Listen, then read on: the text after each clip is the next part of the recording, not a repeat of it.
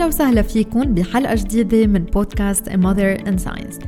معكم نيفين حنش أخصائية تغذية علاجية وباحثة علمية بمجال تعزيز الصحة.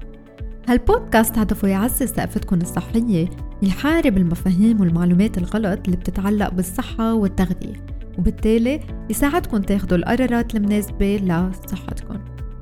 موضوع حلقة اليوم هو عن الأطعمة فائقة المعالجة أو اللي بنسميهم بالإنجلش Ultra Processed Food. شو تأثيرهم على صحتنا وشو الخطوات اللازمة اللي نحن فينا ناخدها. من فترة سافرت على برلين لأحضر المؤتمر الأوروبي للصحة العامة.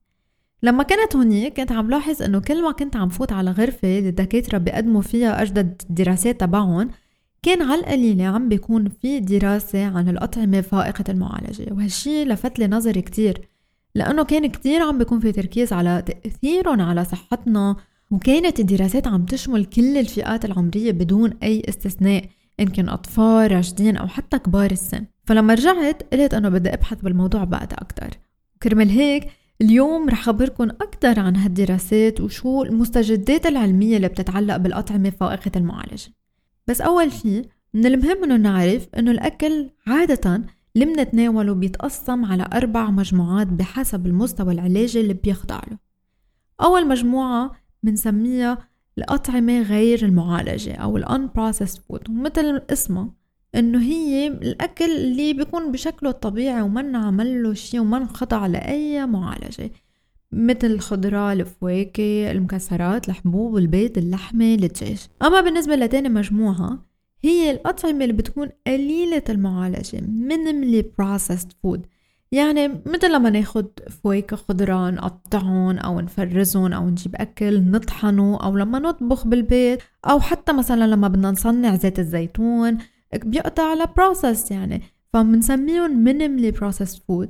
وهول المجموعتين عادة اللي انذكروا هلأ هن بنحاول قد ما فينا إنه نطلب من الأشخاص يركزوا عليهم تيكونوا كأساس أو فاونديشن للنظام الغذائي تبعهم. تنقول إنه هن بالاجمال أو بالاغلب عم يتبعوا نظام غذائي صحي أما بالنسبة لثالث مجموعة هي بتشمل الأطعمة المعالجة يعني ال processed food ويلي هي بتتضمن هول المجموعتين اللي ذكرناهم هلأ بس بيكون في زيادة مكونات عليها. مثل لما نروح على السوبر ماركت نشتري معلبات الخضرة أو الفواكه بكون منزيد عليهم سكر أو ملح أو معلبات التونة مثلا بيزيدوا عليهم الزيت. فبالإجمال بس بيكون في يعني مكون اثنين أو بالأكثر ثلاثة من زيت عليهم هلأ بالنسبة لرابع مجموعة اللي هي رح يكون حكينا كله عليه اليوم هي عن أطعمة فائقة المعالجة. يعني لما الأكل اللي نحن عم نتناوله يكون عم بيخضع قبل ما ناكله لمستوى عالي كتير كبير من المعالجة.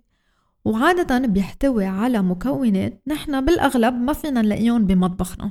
لأنه مثلا مثل لما يكون منزاد عليهم إضافات صناعية آه، اللي عادة بتحسن اللون أو النكهة أو ملمس الأكل.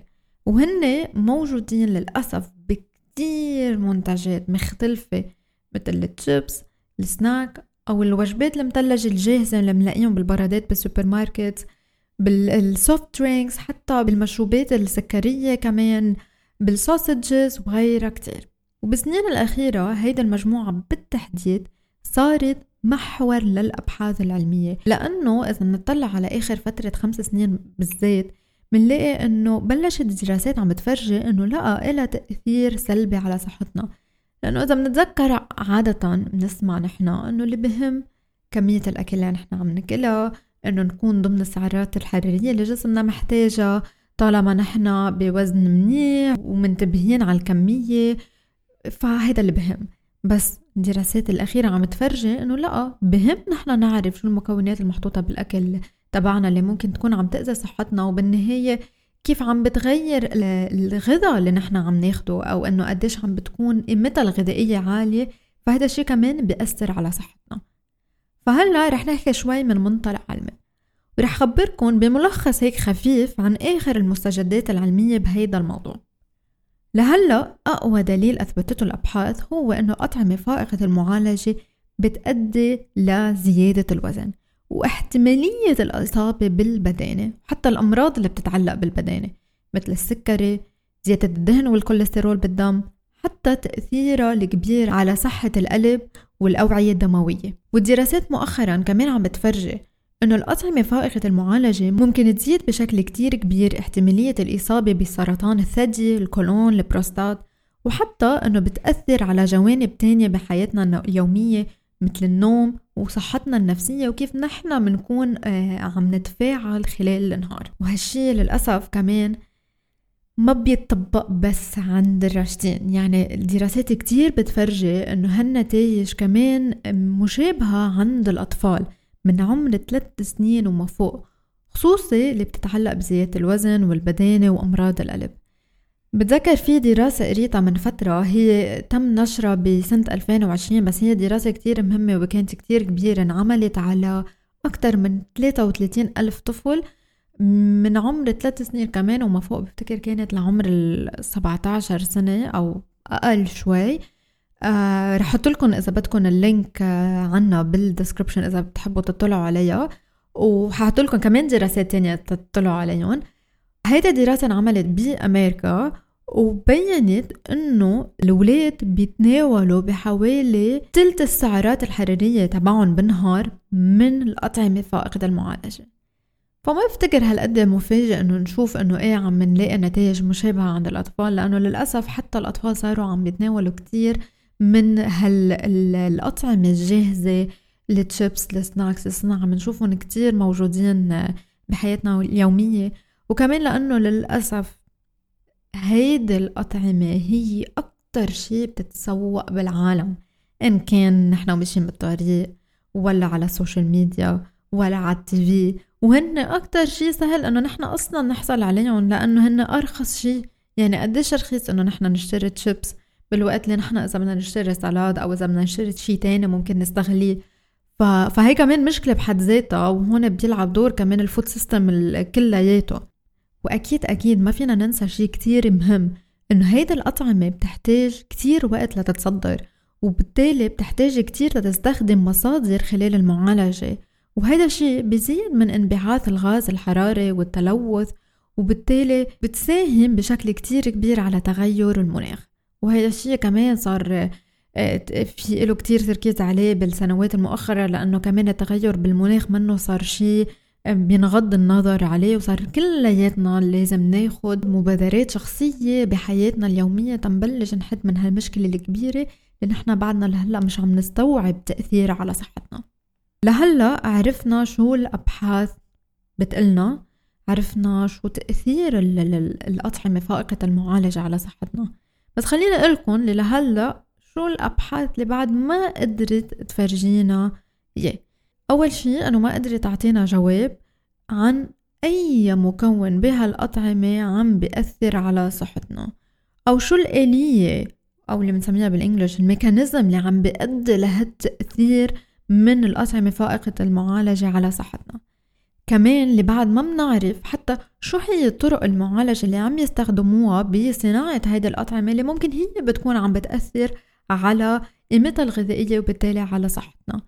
فلما نعرف شو هن الأجوبة بالنسبة لأي مكون أو شو الآلية اللي عم بتأثر على صحتنا أو أي طرق معالجة عم يستخدموها هيدا الشيء كتير بخفف عبء للصحة العامة لأنه بنصير بنقدر نطلع باستراتيجيات نحن كباحثين وحتى نحن كأشخاص بالكوميونتي كلياتنا نشتغل سوا. تنقدر نعمل شيء تنخفف من تأثير هيدي الأطعمة على صحتنا. ويمكن كمان بتنلغى مكونات معينة.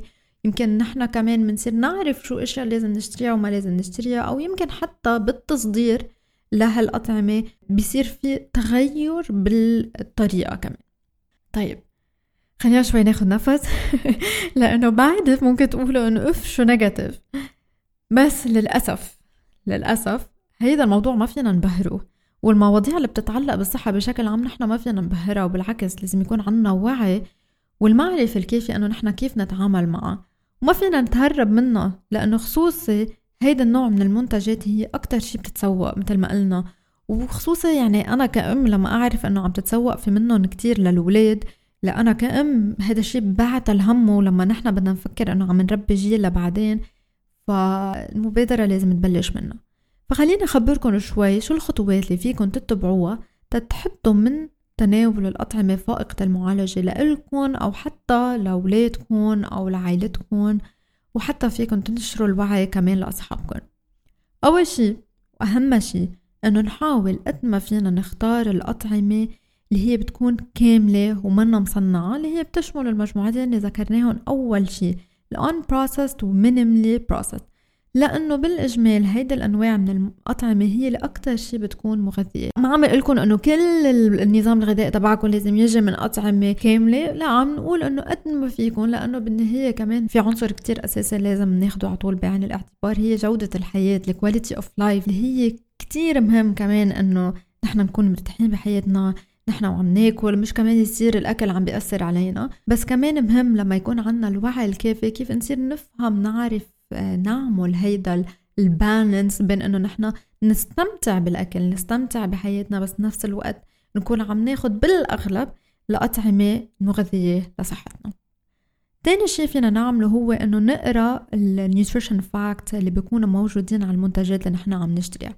نحاول قد ما فينا إنه ننتبه للسكريات المضافة الملح والدهون الغير صحية حتى لما يكون المنتج كتير عالي بالدهون المشبعة لأنه كتير بأوقات بالأطعمة هي المصنعة والمعالجة بشكل كتير كبير بحاولوا بطريقة معينة إنه يخفوا هيدي المكونات.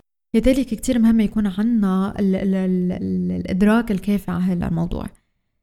ثالث خطوة فينا ناخدها هو إنه نحاول قد ما فينا نحد من المشروبات السكرية. اللي هنا كمان للأسف الأولاد كتير صايرين بياخدون ال juices ال soft drinks وحتى مشروبات كتير آه تانية لأنه بتتعلق كتير آه بنتائج صحية سلبية مثل البدانة ومرض السكري من النوع التاني. رابع خطوة فينا ناخدها هو إنه نحاول قد ما فينا نعتمد على الأكل من البيت أو الطبخ بالبيت أو حتى لما نروح على آه مطاعم نحاول قد ما فينا إنه نختار الأطعمة اللي بنعرف إنه بتشبه أكل البيت ومش غريبة عجيبة لأنه إلا إذا كان هيدا الشيء يعني من كل فترة وفترة و very occasional أكيد هيدا الشيء ما رح يكون له تأثير لطيف علينا. بس نحن أكثر شيء بدي ركز عليها هيدا الشغله إنه التاثير السلبي بيصير لما يصير هيدا الأطعمة الفائقة المعالجة صارت مثل طبيعية بحياتنا وبنظام غذائنا تبعنا. يعني نحن كل أسبوع عم ناكل كتير منهم أوقات كل يوم أوقات آه، بكمية كتير كبيرة. يعني حتى لو مرة بالأسبوع بس بتكون بكمية كتير كبيرة بنكون عوضنا عن كل الأسبوع. فكتير مهم نعرف إنه إنه تكون من فترة للتانية كمان بدي يرجع هيدا الشغلة كمان لنفس الموضوع إنه ال quality of life تقدر نستمتع نحنا كمان بحياتنا وبالأكل اللي نحنا عم نتناوله. فالأهم هو إنه نعتمد على الأكل المطبوخ بالبيت وعلى المكونات اللي نحن بنقدر نحصل عليها بالبيت وخصوصي إذا نحن كنا عم نحضر الأكل لأطفالنا. آخر شغلة هي اللي أنا كتير بحب ركز عليها إنه قد ما فينا ننظر لنشتري الأطعمة من الشركات اللي صارت عم تعطي الأولوية للاستدامة يعني for sustainability ولصحة الزبناء تبعها.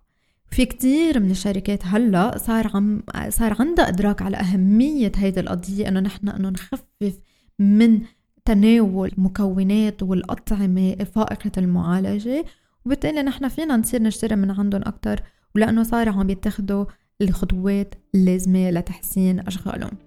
وبما أنه وصلنا لآخر هيدا الحلقة بعرف أنه الموضوع ممكن يكون أسهل نحكي فيه من أنه نطبقه. بس لما يكون التركيز الأساسي على صحتنا منصير نقدر ناخد خيارات واعية بالنسبة للأطعمة اللي نحن عم نتناولها. بنصير فينا نحمي حالنا وعائلتنا من التأثير السلبي لصناعة هيدي الأغذية على الصحة العامة. إن شاء الله تكونوا استفدتوا من هالمعلومات العلمية اللي شاركتكم إياها وصار عندكم الوعي الكافي ويمكن الثقة إنه تشاركوها مع أشخاص بمحيطكم وحتى إنه تساعدكم تاخدوا خطوات جديدة من ناحية النظام الغذائي اللي عم تتبعوه بحياتكم اليومية إذا عندكم أي سؤال عن حلقة اليوم أو يمكن تعليق أو عندكم أي اقتراح لأي موضوع فيكم تتواصلوا معي على إنستغرام نيفين حنش وبتعرفوا أنه أنا برد عليكم دغري. ما تنسوا تشاركوا هالحلقة مع أصحابكم. وما تنسوا تعملوا subscribe ل Mother in Science podcast وشكرا لاستماعكم. وانطروني بالحلقة الجاية.